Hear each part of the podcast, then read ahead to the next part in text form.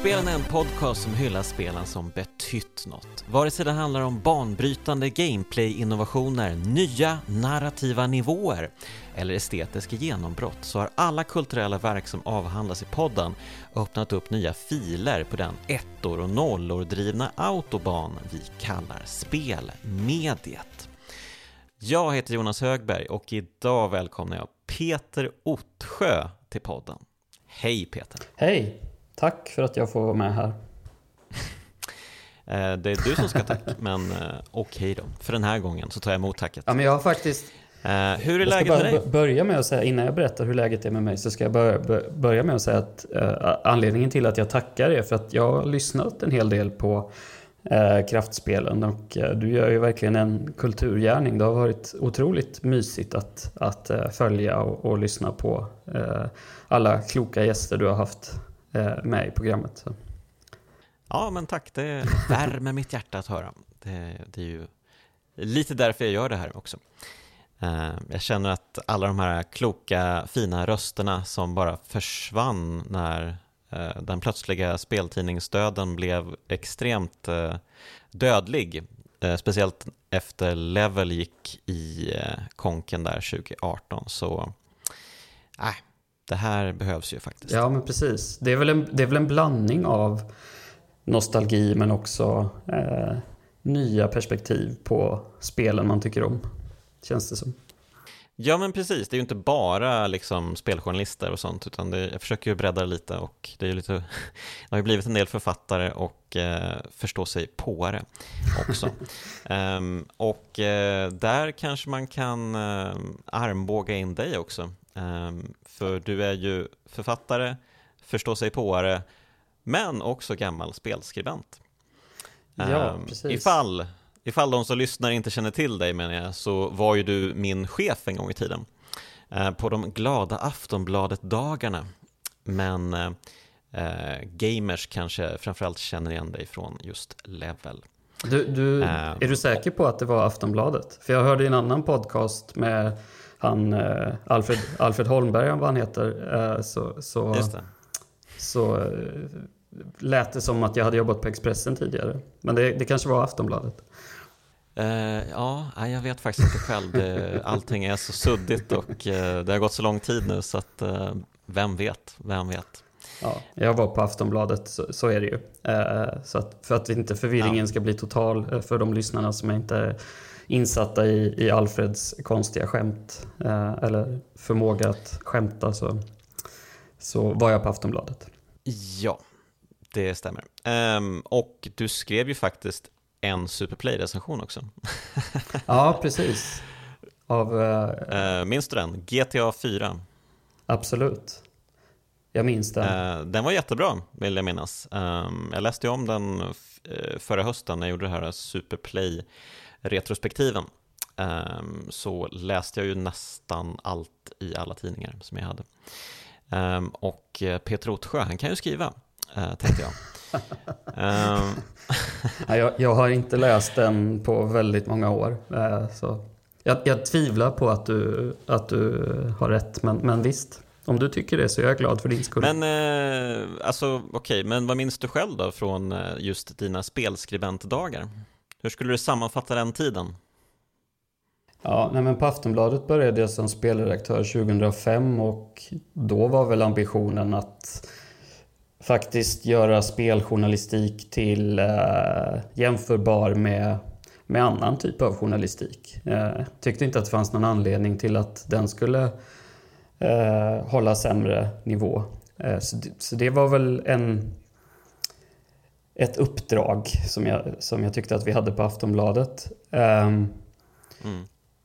Men jag, jag, hade nog som roligast som spelskribent när jag faktiskt slutade på Aftonbladet och började frilansa för Level. Det, det var nog de absolut mm. roligaste åren därför att eh, där fick jag skriva jättelångt om spel. Du vet på Aftonbladet så var man hela tiden begränsad av, eh, av liksom...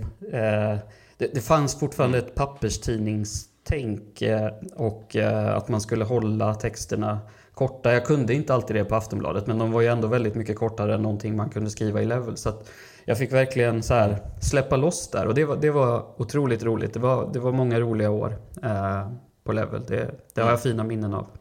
Ja, nej men uh, jag minns, uh, jag minns kanske framförallt uh, när jag tänker på dig så tänker jag dels på någon spelgala, Guldpixen kanske det var, på Superplay-tiden och jag minns hur vi alla liksom satt och tisslade och tasslade.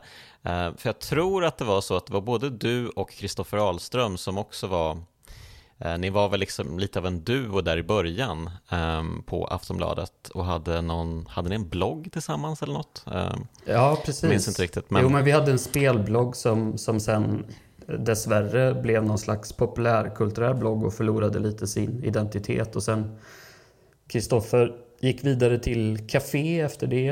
Uh, men, men ja, det började som en spelblogg. Uh, men ni tisslade och tasslade på någon gala alltså?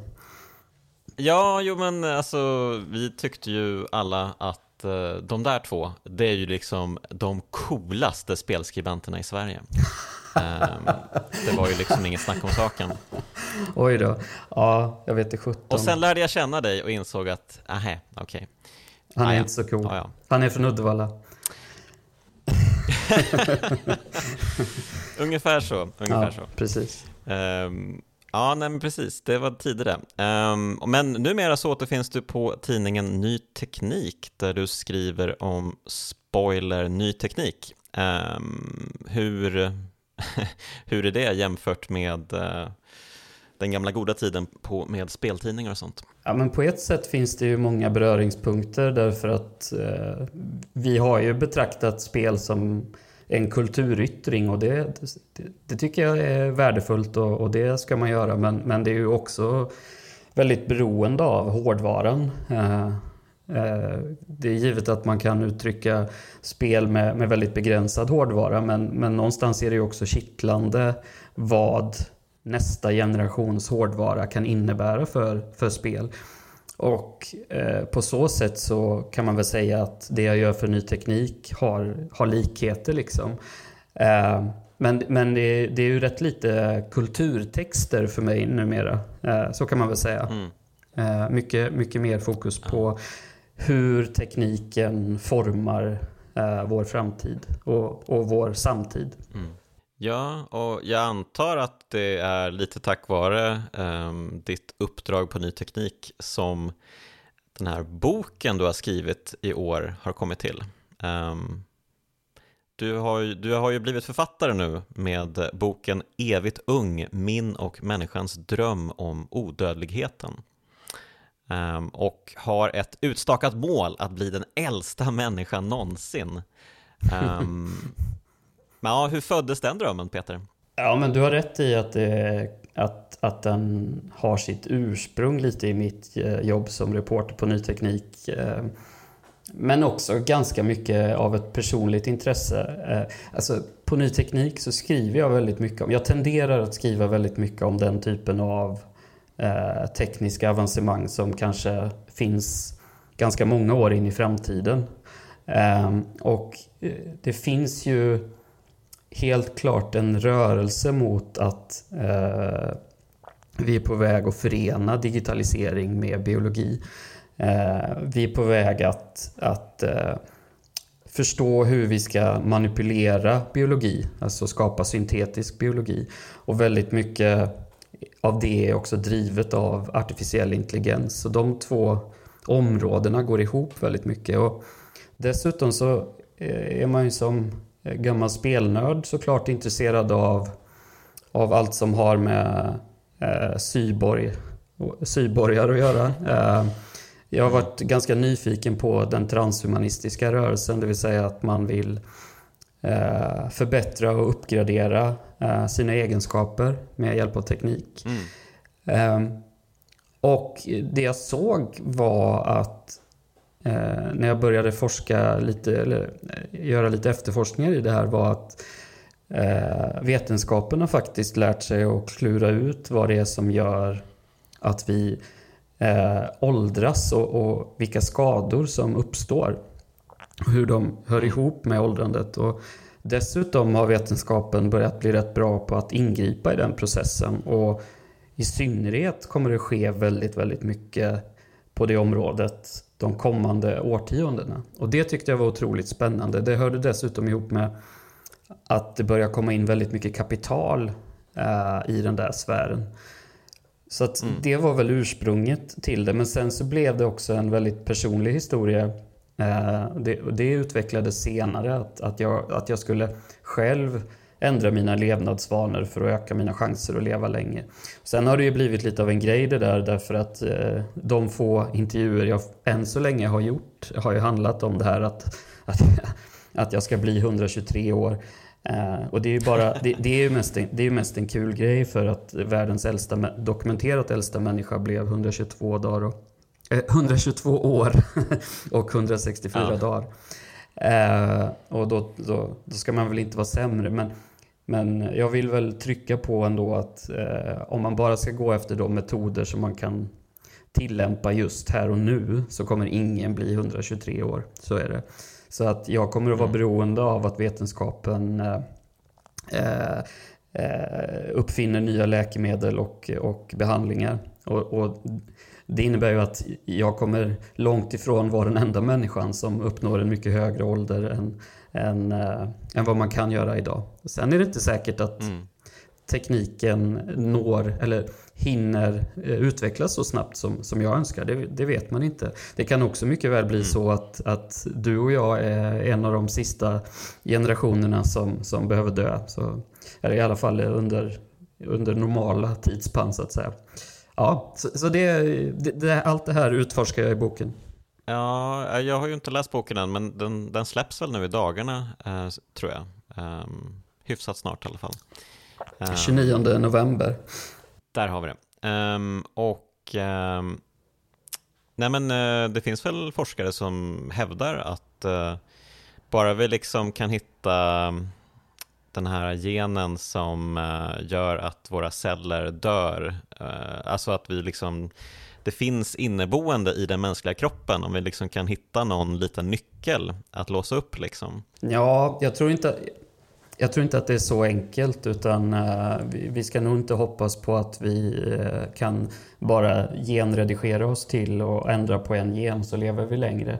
Däremot är det heller inte så komplicerat som man trodde för kanske 20-30 år sedan. Eh, då var mer uppfattningen att åldrande är så komplicerat och besvärligt så att vi kommer aldrig någonsin lista ut hur vi ska ta itu med det.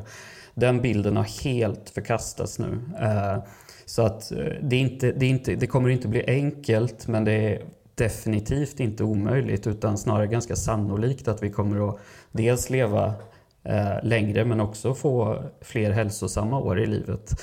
Eh, men det är klart att CRISPR och den typen av genredigeringstekniker som, som eh, är i antågande kan ju mycket väl hjälpa till. Eh, så är det ju, absolut. Men, men jag tror inte att vi kommer att kunna ändra på en gen och få oss att leva längre. Däremot så upptäckte jag faktiskt att det finns en, vissa gener som är förknippade med långlevnad därför att när man tittar på långlivade populationer runt om i världen så är det vissa gener som återkommer. Vissa genvarianter ska jag säga av vissa gener. Och, mm. och det visar sig faktiskt att jag har en av de här långlevnadsgenerna och det upptäckte jag eftersom jag eh, gjorde en kartläggning av min arvsmassa i samband med arbetet med boken. Så det var väldigt kul faktiskt. Eh, Okej. Okay.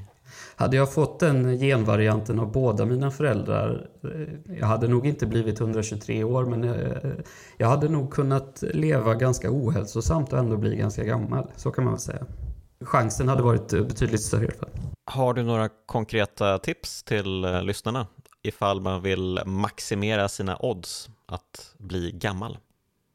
Vad bör man göra? Ja, men det har ju varit lite av en utmaning såklart med, eh, med boken att göra det där spännande därför att tipsen just nu är, är ganska... Eh, de är inte så exotiska egentligen utan det är väldigt mycket de, de, de, eh, de, gamla vanliga knepen. Eh, på ett sätt är det ganska positivt för det betyder att de allra flesta har en chans att förbättra sina chanser. Mm. Men om jag bara skulle ge ett råd eh, så är det att man ska träna.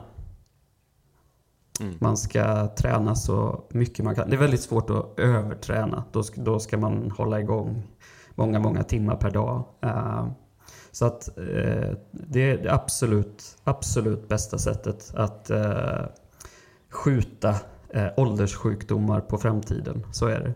Kost är också viktigt men där är det mycket svårare därför att forskningen är väldigt motstridig kring vad som är, är rätt kost och det är också väldigt mycket psykologi som spelar in i hur, hur man har, vilka matvanor man har. Jag, jag skriver ganska mycket om det i boken också men, men det är ett betydligt svårare område att, att navigera i. Och sen måste man sova bra och eh, försöka att inte ha allt för mycket negativ stress i livet. Och det, du hör ju, det, det här är ju de gamla klassiska grejerna. Liksom.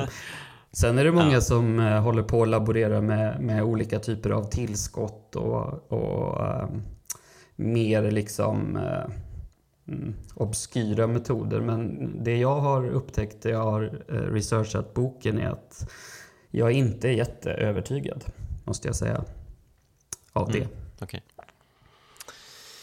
Ja men eh, gud vad spännande. Eh, boken heter alltså Evigt ung, min och människans dröm om odödligheten.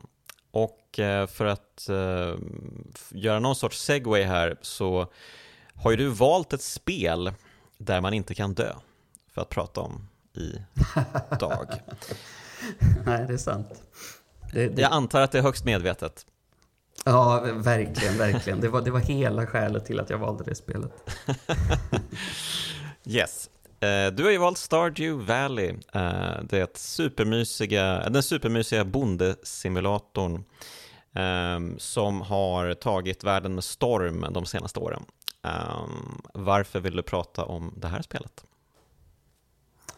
Ja, ett skäl är väl att det är ett av få spel som jag nu är inne på fjärde rundan. Det vill säga jag har spelat hela spelet tre gånger redan och eh, den senaste gången var ju med den här eh, det var väl 1.5 uppdateringen tror jag med Ginger Island som var ett stort nytt tillägg mm. till spelet. Eh, så då, då, då såg jag att då vill jag spela det en tredje gång. Um, och nu har jag börjat en fjärde gång faktiskt. Och, så, så det är väl ett skäl att jag, jag tror aldrig, i något annat spel har jag spelat eh, genom på det sättet så många gånger. Det har nog aldrig hänt förut. Och det, det har väl att göra med att jag tycker att, eh, att stämningen är så otrolig. Att, att jag liksom, det är som en, eh, är som en magnet som jag dras till. Det har verkligen en dragningskraft. Ehm, mm. Så. Mm. Men, men eh,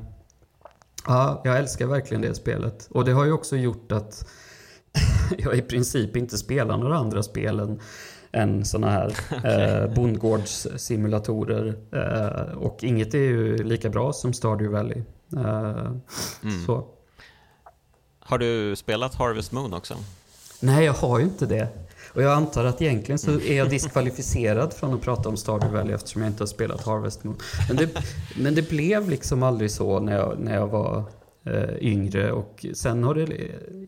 Man kan väl säga så här att min kärlek till genren började med Stardew Valley så det är lite omvänt i ja. hur det är för många. Eh, mm. Men jag känner givetvis till yes. Harvest Moon och jag förstår ju vilken betydelse det har haft för, för utvecklingen av mm. Stardew Valley.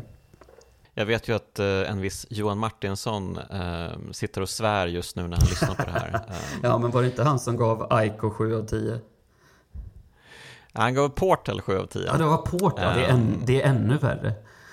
Ja. Det är faktiskt ännu värre. Ja. Um, det, det, alltså, han får sitta och svära om han vill, men det där kommer alltid hänga som ett mörkt moln över honom. Han har många hundhuvuden att bära, helt klart. Men, eh, ja, men vi, vi kastar väl oss in i det här då. Um, det är ju utvecklat av egentligen en enda person, även om utvecklingen har tagits över nu på senare tid av uh, andra människor och um, det har ju liksom, um, det sköts ju spelet uh, av ett helt gäng nu.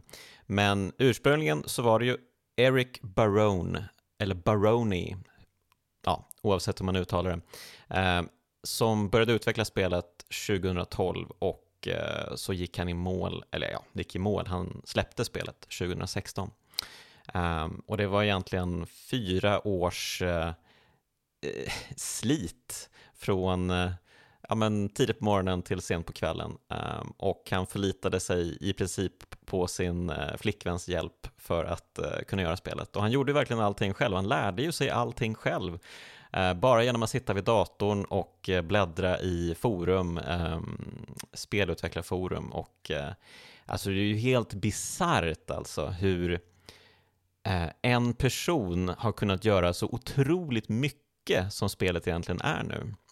Ja, och som, jag blir så vansinnigt imponerad. Ja, som första spel och som du säger, han kunde ingenting egentligen innan han började. Och dessutom så uh, ville han ju inte heller ta hjälp av uh, andra, det vill säga han, han, han googlade sig fram till, till allt han lärde sig liksom, i princip. Mm. Han, han sökte runt på forum och på Youtube och så, men han ville inte prata med någon Eh, och ställa frågor och så. Eh, jag vet inte riktigt vad det beror på, men så var det i alla fall. Och, och det gör ju bedriften på något sätt ännu större.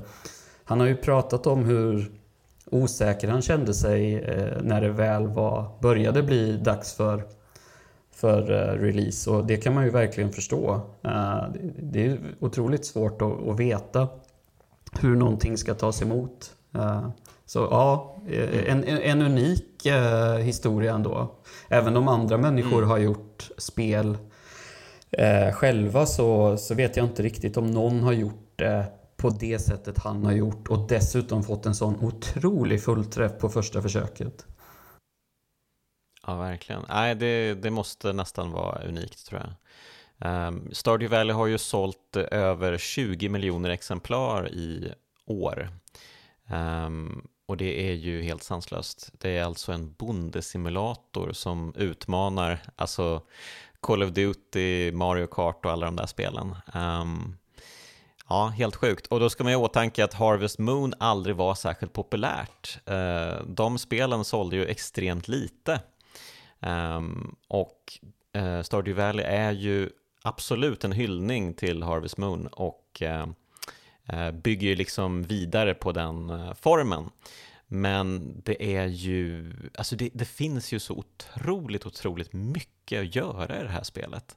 Det är ju lite, ja men, det är ju lite Sims, det är lite Animal Crossing, det är lite Minecraft, det är ja, lite Harvest Moon också. Um, så det liksom finns så otroligt många olika element.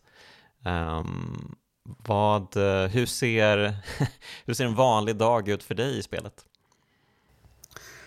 Ja, jag är nog ganska eh, struktur, tror jag att jag är ganska strukturerad. Jag, jag försöker verkligen klämma in så mycket jag kan på de här 15 minuters, eh, ja det är väl lite mer än 15 minuter, men ungefär där, eh, slottarna som, som utgör en dag i, i, i Stardew Valley. Eh, mm jag känner verkligen ett stort motstånd mot att gå och lägga mig eh, klockan sju på kvällen för att eh, jag av olika skäl känner att eh, det inte finns så mycket mer att göra just den dagen. Så, utan jag vill verkligen maximera all tid eh, jag har. Och det som händer kan man väl säga då, det är ju att man Eh, du har, ju, du har ju redan konstaterat att man dör ju inte i det här spelet men däremot så blir man ju, kan man ju svimma eh, antingen mm. av eh, monster i, i, eh, i gruvan eh, eller eh, av att man helt enkelt inte går och lägger sig före klockan två på natten. Mm, så. Ja.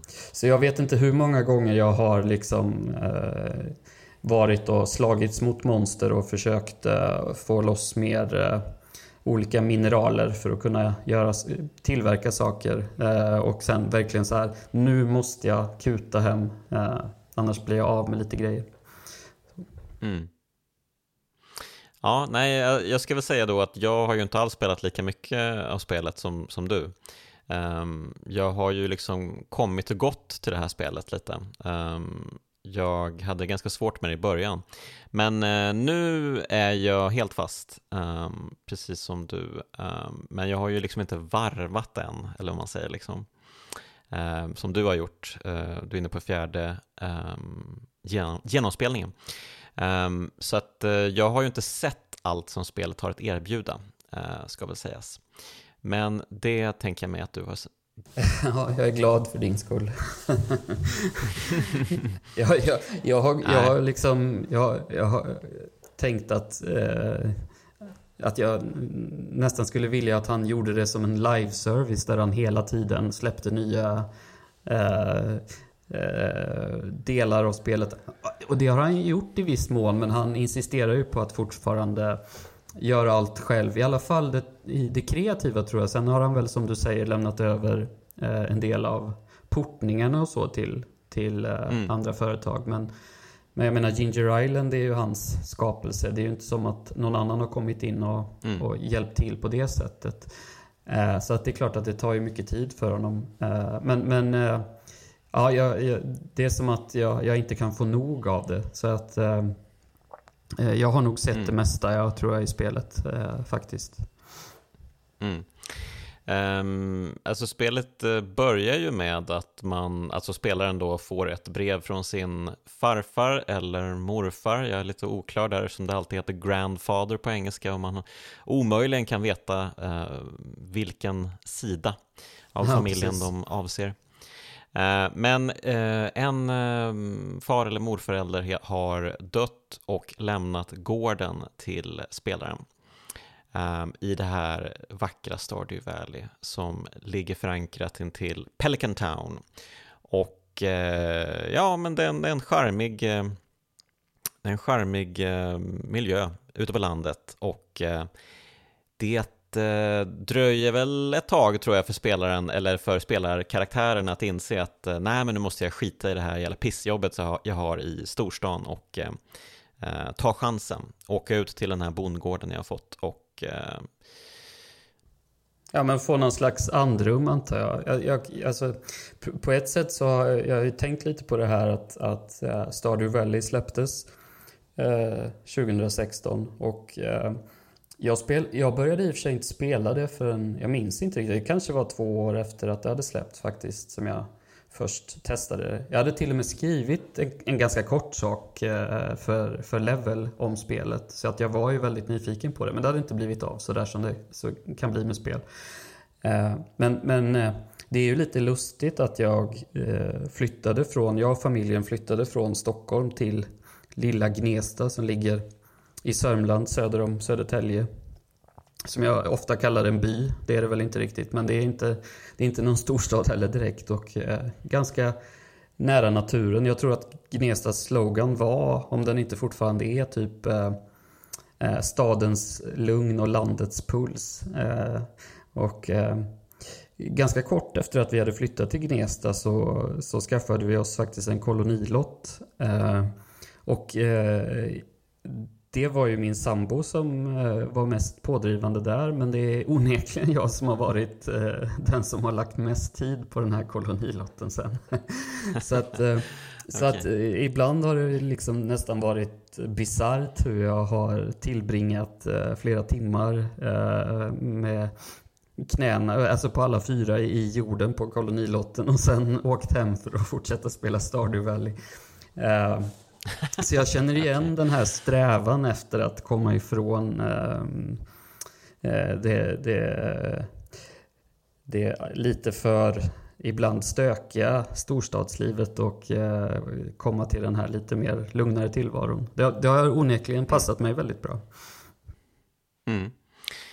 Ja, nej men eh, verkligen. Eh, man, eh, man blir ju, så fort man landar i Pelican Town och eh, Stardew Valley så eh, det, man blir ju helt gaga. Det är ju otroligt vackert. Eh, otroligt vacker pixelgrafik och eh, man har ju, man kan ju spela spelet som man vill. Eh, man kan välja att bli bonde och eh, bygga upp gården och odla sina grödor.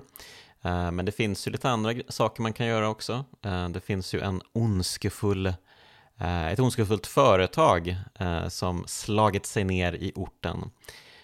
Joja Corporation. Vad är det för tjommar, Peter?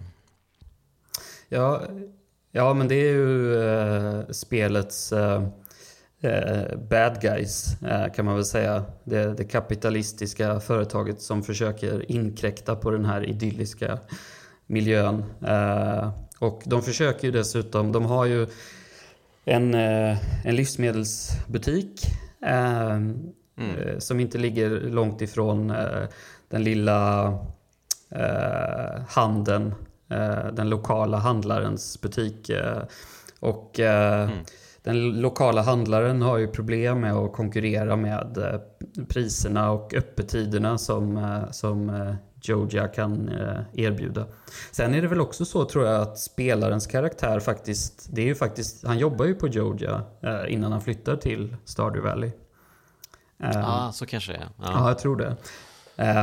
Så att eh, precis. Eh, och där har man ju en liten chans också att faktiskt liera sig lite med, med djävulen i spelet.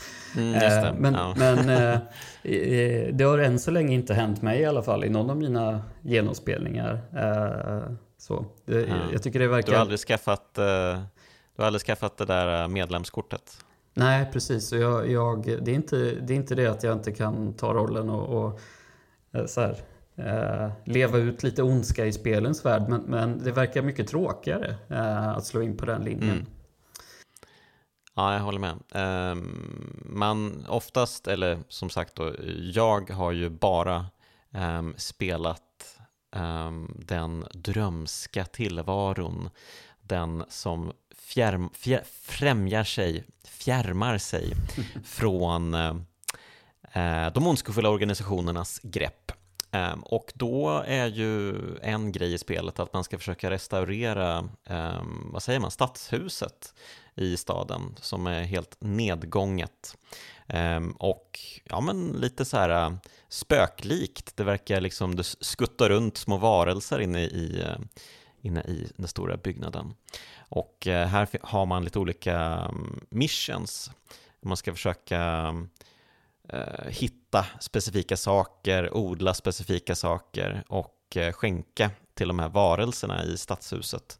Ehm, och när man har gjort en viss ehm, del så ehm, ger de eh, bonusar som är ganska bra. Alltså de öppnar ju upp för nya sektioner av spelet. De, resta de restaurerar broar, fixar bussar och sådana där grejer. Så att eh, det är ju någonting man verkligen vill kasta sig över från första början.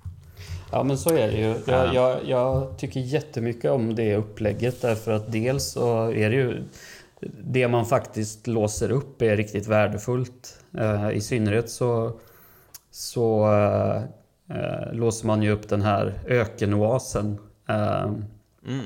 som, som är en helt ny del av spelet och bara det var ju helt fantastiskt att det fanns den här liksom, Eh, dels eh, eh, den här nya miljön men också att det fanns en helt, en helt ny, ett helt nytt liksom, grottsystem eh, som man kunde ge sig ner i med, med nya mm. monster och sådär.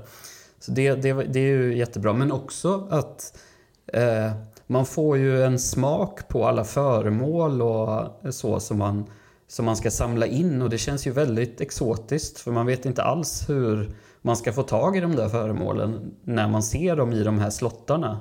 Man får ju bara mm. som en eh, som en tomma slottar och så ser man vad det är man måste samla för att uppfylla dem. Liksom. Eh, men man har ingen aning om i det läget hur man får tag på dem. Så det blir en del av upptäckarlustan i spelet. Jag tycker att det, mm. och överlag tycker jag liksom att eh, balansen i spelet eh, och, och själva tempot i spelet är väldigt bra. Det övergripande tempot liksom i, i hur man i, i hur han liksom eh, undan för undan avtäcker mer och mer av spelet. Det är otroligt, eh, otroligt begåvat och i synnerhet med tanke på att det är hans första spel. Eh, så han, han, har ju mm. uppenbarligen en fallenhet för, för det liksom. Mm. Ja men verkligen, spelsystemen är ju grymma. Eh, det är ju uppdelat på fyra säsonger eh, varje år såklart. Och varje säsong är väl en, är det 28 dagar? Mm, ehm, det är det. En, en, en februari månad kan man säga är det man spelar eh, gånger fyra. Precis. Um, och det är ju för varje säsong så finns det olika saker man kan odla eh, som bara går att odla under den säsongen. Eh, och så finns det ju specifika aktiviteter som bara händer där och då. Eh, just nu är det vinter i mitt spel och jag närmar mig julafton så att jag spelar lite säsongsbaserat här just nu. Du, får, jag frå- får jag fråga dig en sak med tanke på säsongerna? Mm. För jag, jag upplever, för det är inte bara att man kan odla andra eh, olika typer av grödor eh, beroende på vilken säsong det är. Utan hela landskapet förändras ju och det kanske inte heller är så konstigt att, eh, att landskapet eh, går över i en mer gul-orange ton eh, och röd ton när det är höst liksom och en mer blåaktig ton mm. när det är vinter och sådär. Men någonting jag tycker han gör i synnerhet, och kanske är det musiken framförallt som, han, som mm. gör att han lyckas med det det är ju att han verkligen sätter den här känslan av hur hösten är och känslan av hur vintern är. Jag vet inte om du känner på samma sätt men, men jag får mm. liksom en, en, den, den där typen av julkänsla och vinterkänsla som jag får på riktigt liksom. Uh, mm. Är det någonting mm. du kan känna igen dig i? Ja, absolut. Just nu, eh, det senaste som hände mig i spelet var att vi hade en isfisketävling um, ute i, um, ja men vid sjön typ. Um, och uh, det var ju fantastiskt roligt. allt som har med fiske att göra i spelet är ju väldigt roligt. det är ju verkligen en uh, grym, alltså kanske den bästa implementationen av uh, fiske i något spel skulle jag nästan säga. Ja, men det, det, det, är det nog faktiskt. I början tycker man ju mm. att det är galet, men, men ju mer man spelar det så, så tycker jag faktiskt att det är rätt så genialiskt. Eh, och jag har inte spelat något annat spel där man har lyckats hantera det på ett bättre sätt. Därför att eh, du kan verkligen bli skicklig på att fiska, även om det känns omöjligt i början. Eh, så. Men det är svårt att fånga de här legendariska fiskarna oavsett vilka knep man lär sig. Men det, det går till slut. Ja, precis. Vissa fiskare är ju helt galna verkligen. Studsar upp och ner som uh, fullständigt barocka varelser. Precis. Um, man, behöver rätt, på, men... man behöver rätt beten uh, och, och, så. Så får man lite hjälp på traven. Just det. Och så måste man uppgradera sitt spö också. Ja, exakt. Och, Precis, och eh, jag menar, som du var inne på, den här med Ginger Island, eh, det är ju en jättekul grej eftersom det har att göra med den här liksom bakdörren hos fiskaren ja. eh, so som leder ut till hans båt där, ehm, som man måste laga då. Ehm, man har ju varit, man har varit supernyfiken på vad gömmer sig bakom den där dörren egentligen? Ehm, och eh, så är det liksom en, en väg till någonting helt nytt. Och eh, ja, men det, det, känns som att han, alltså när man, när man går runt i staden första dagen och bara liksom försöker få koll på allting, Ehm, så är det ju många saker man ser som man bara, hmm, den här kloaken, den verkar väldigt spännande. Oj, vad, kan det dölja sig där inne? Jaha, jag behöver en nyckel till den, hur får jag den? Och eh, ja, Massa sådana grejer är det. Och så finns det ju en, ett trollkarlstorn och alltså det kryllar av roliga eh, ingredienser. Och ja, det var en trollkarl och det finns lite magiska, vad ska vi kalla dem, gnomer i stadshuset. Men eh, det är ju inte så att det är liksom eh, något fantasyspel det här, utan det är ju verkligen grundat i, eh, i verkligheten. Eh, och det är väl framförallt det som gör det så eh, åtråvärt. Att det lyckas liksom balansera hela tiden på den där gränsen till, eh, vad ska vi kalla det, magiska realismen. Eh, men det liksom, det finns fortfarande eh, en verklighet som aldrig ruckas på. Ja, um, ja men det är ju, det är som en, det är som en eh, liksom, nästan som en saga för barn ibland. Eh, det är den här lätta mystiken liksom. Det tar aldrig över men det finns där hela tiden och gör spelet lite mer intressant av det skälet. Mm. Um, en stor grej är ju att man eh, pratar med eh, invånarna i staden. Eh, det finns ju en rad, ja, alla är inte jätteroliga, men det finns ju några karaktärer som man gärna lär känna och hänger med lite grann. Och det är ju ett ganska så här basalt system för att bli kompis med folk. Man, man ger dem gåvor, vilket känns lite så här, ja, är, det, är det verkligen det här vi ska pyssla med år 2022 eller 2016 när den här släpptes? Ehm, ett sånt ehm, fattigt kapitalistiskt system liksom. Ehm, att eh, ge någon en present och då blir de jätteglada och eh, så här, jättenyfikna på dig och tycker att åh, du har allt jag, jag söker i livet. Um, så jag vet inte om jag gillar systemet i sig, men, Nej, men det, uh, det, har det du leder ju i alla fall till... Och, alltså, mm. Även om man, ja, om man bortser från, från uh, uh, den kapitalistiska vinkeln då, eller att, att den är lite andefattig, så, så är det ett ganska tråkigt inslag därför att det bidrar till en ganska onödig stress tycker jag, eh, dagarna om man ska mm. eh, hålla på och eh, eh, fullfölja det där. Eh, så, så ja, jag vet inte hur mycket jag har sprungit runt eh, för att maximera. Till slut lär man sig ju vad alla gillar väldigt bra. Så, så fyller man mm inte vet jag, hälften av sitt inventory eller hela sitt inventory för att man vet att man kommer att göra sig av med grejerna med, i takt med att man träffar de här karaktärerna.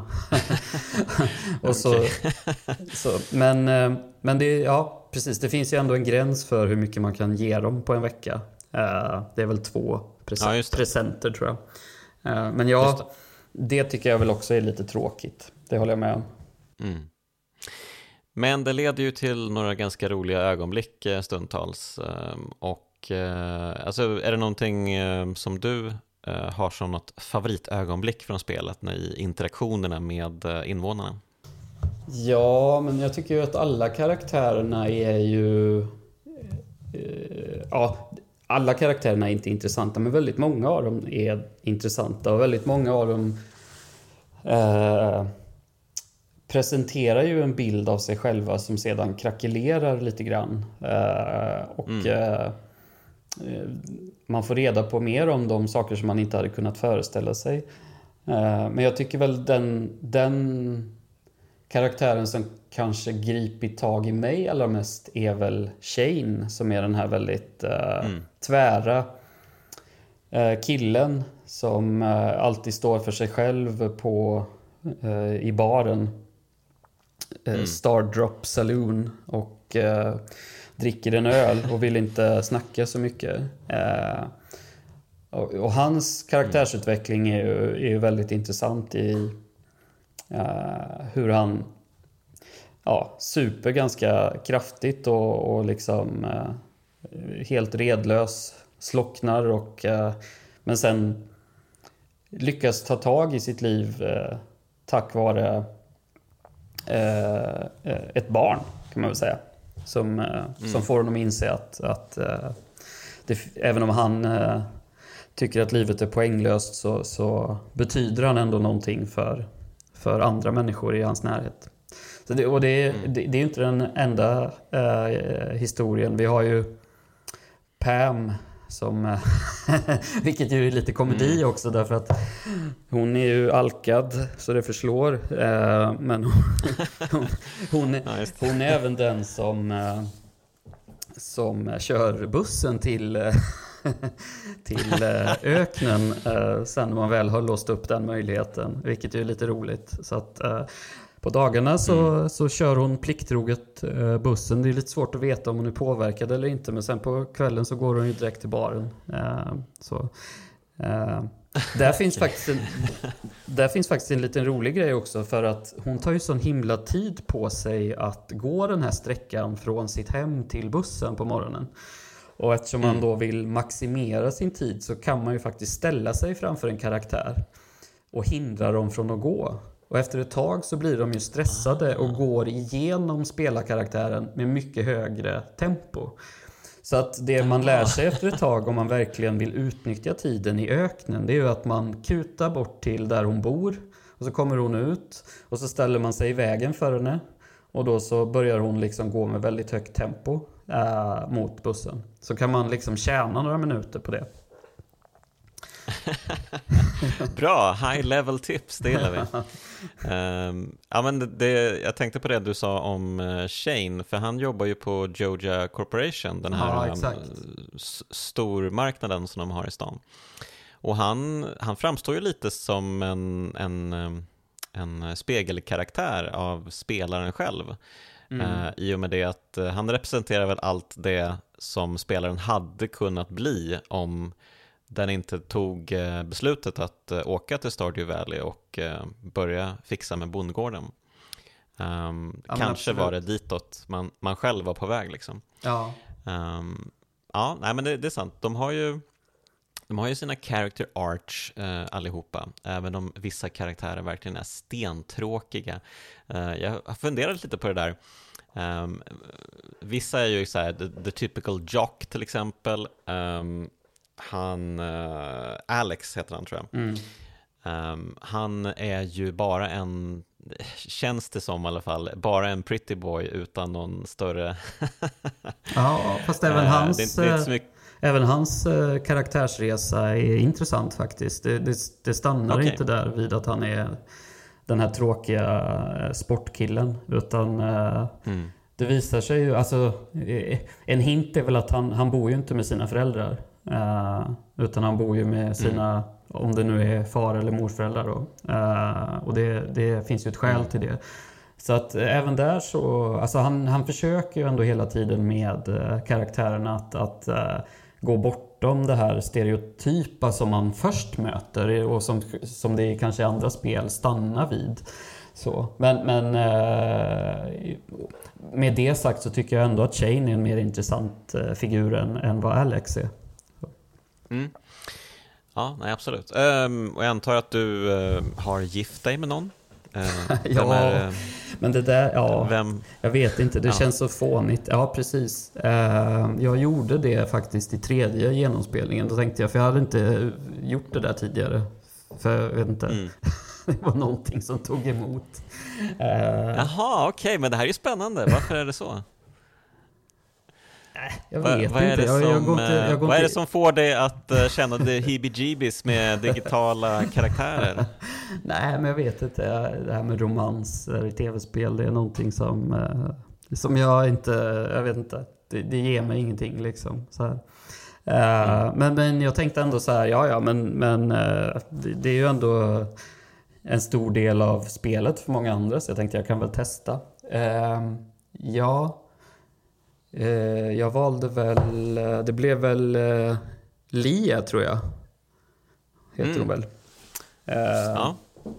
Som jag håller på och förför henne själv just nu. Ja men, du ser. Ja men hon mm. är ju, ja, det är en, en trevlig karaktär.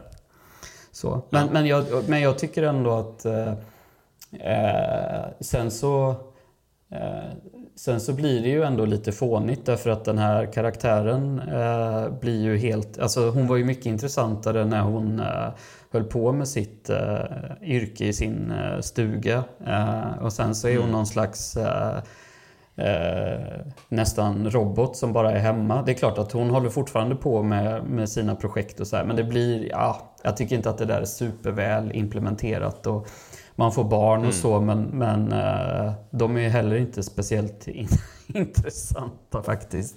Där hade man nog kunnat mm. göra lite mer av det tror jag. Uh, faktiskt. Mm. Så. Ja, och, och, även liksom interaktionen mellan invånarna i staden också kanske. Uh, lite mera drama mellan olika karaktärer kanske. Um, ja. Känns för mig lite underutvecklat kanske, men det kanske finns, jag vet inte. Nej, det är väl, eh, nej, det är väl inte jättemycket eh, drama. Eh, det är ju... Eh, ägaren på baren har ju en, en, en förälskelse i en av karaktärerna. Och Just det, ja, men det, det har jag stött på. Och Hans sen så, underbyxor va?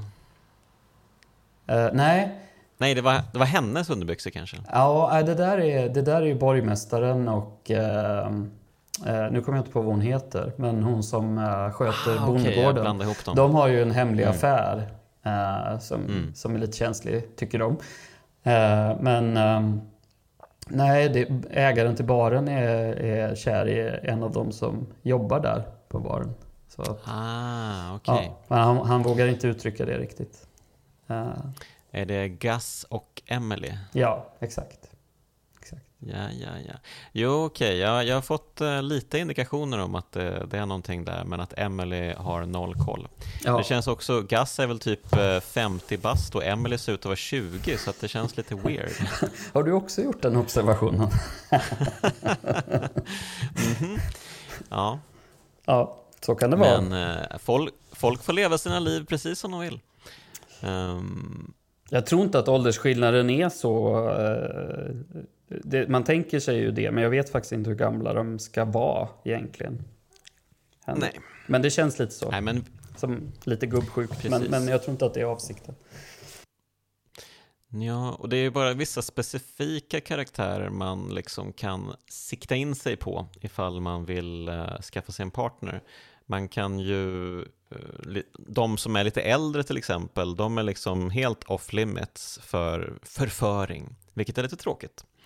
Känns väldigt eh, konformistiskt. Ehm, men, men, vem har sagt att eh, man ska kunna skapa det perfekta spelet eh, första försöket? Eh, Jag ser fram emot Stardew Valley 2 här vet du, redan. Ja, Ehm, han gör ju det här... Och jag tycker det är, Jag vet inte knappt hur jag ska uttala det, men Haunted Chocolatier. Säger det så man säger det? Just det. Eh, som ju, som ju, eh, ja. Eh, jag kommer ju att köpa det digitalt och på fysisk utgåva och samlarutgåva. Om någon undrar vilket spel jag ser mest fram emot så är det inte Breath of the Wild 2. Nej, det är precis. Eric Barone utvecklar ju då Haunted Chocolatier och har väl gjort det i ett par år nu. Mm. Eh, och vi har väl inte fått se eh, en ruta än. Jo, då, jo Eh, absolut. absolut. Han har, han Ja, har, det okej. ja, det går faktiskt att hitta en hel del eh, eh, bilder från det. Inte jättemycket, men, men lite grann. Och det är ju, eh, har man spelat Stardew Valley så, så känner man ju igen stilen väldigt mycket. Och det har väl, Mm. Om jag har förstått det rätt, så utspelar det sig liksom i samma universum. Men det ska väl inte vara jättetydliga kopplingar till Stardew Valley. Eh, så. Mm. Ja, men eh, titeln är ju lockande. En eh, Mm. hemsökt eh, chokladmästare. Låter bra, låter bra. Och han gillar ju som sagt sina spöken, finns ju även i Stardew Valley. Eller ja, spöken och spöken, men Jo, men det kan man väl säga att det är. Ja, ja. Mm. Ehm, ja, har du spelat co-op i spelet också? Nej, men jag har faktiskt inte det. Det är väl för att jag är 45 år och inte känner så många andra som, eh, i min närhet som spelar Stardew Valley.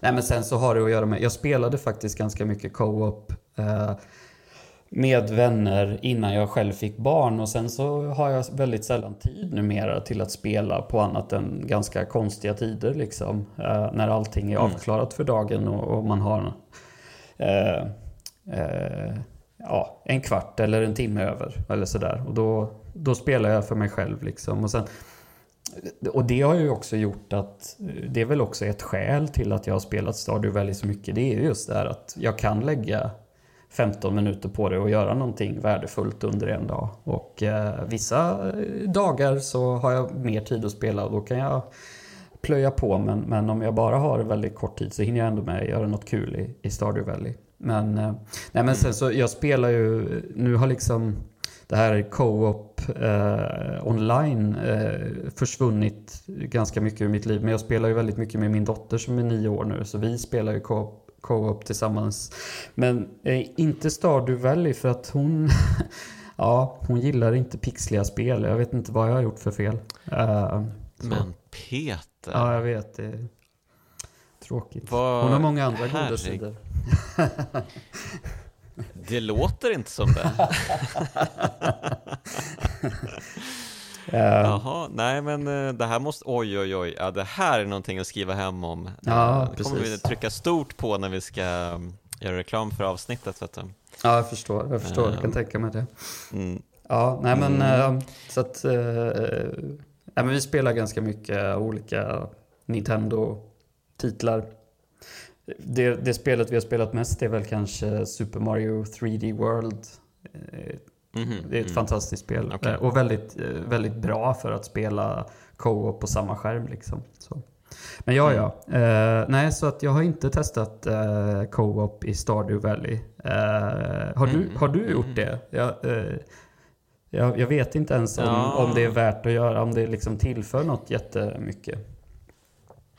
Eh, jag har inte spelat co-op heller. Ehm, jag spelar nästan aldrig med eh, andra människor. Jag ser spelandet som en solitär syssla. Eh, och har gjort så sen jag recenserade spel typ. ja, men du, ja, precis. Men Street Fighter har du väl ändå spelat en del? Det är ju inte co-op dock, men, men ändå.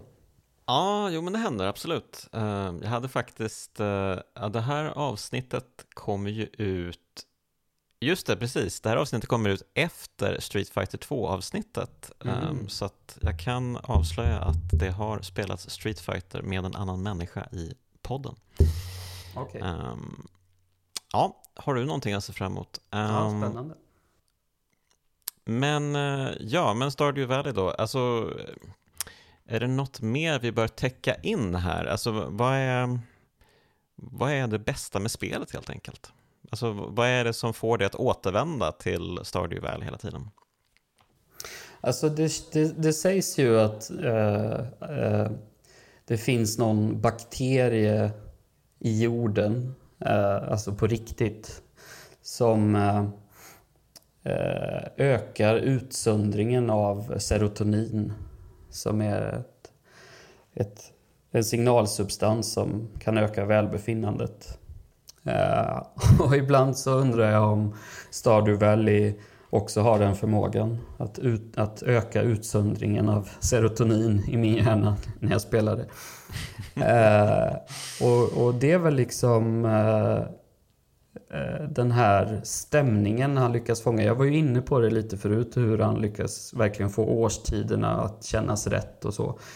Eh, Mm. men, det, och, och, men allt det vi har diskuterat nu det är väl eh, som att helheten blir större än delarna, även om många av delarna är fantastiska och några är mindre fantastiska som vi har konstaterat så, så blir ändå helheten någonting magiskt. Eh, det är lite svårt att sätta fingret på. Eh, ju, man kan ju vara så här tråkig och materialistisk och säga att eh, den mekaniken är si och så bra och sådär. Och det, det, som sagt, det finns ju väldigt mycket av det som är, som är bra eh, eh, i sin egen rätt liksom. Eh, men Mm. men eh, det är väl helhetsbilden liksom som, som gör någonting magiskt, tror jag. Mm. Ja, nej men eh, jag har också försökt eh, hitta den där liksom kryddan. Vad, vad är det egentligen?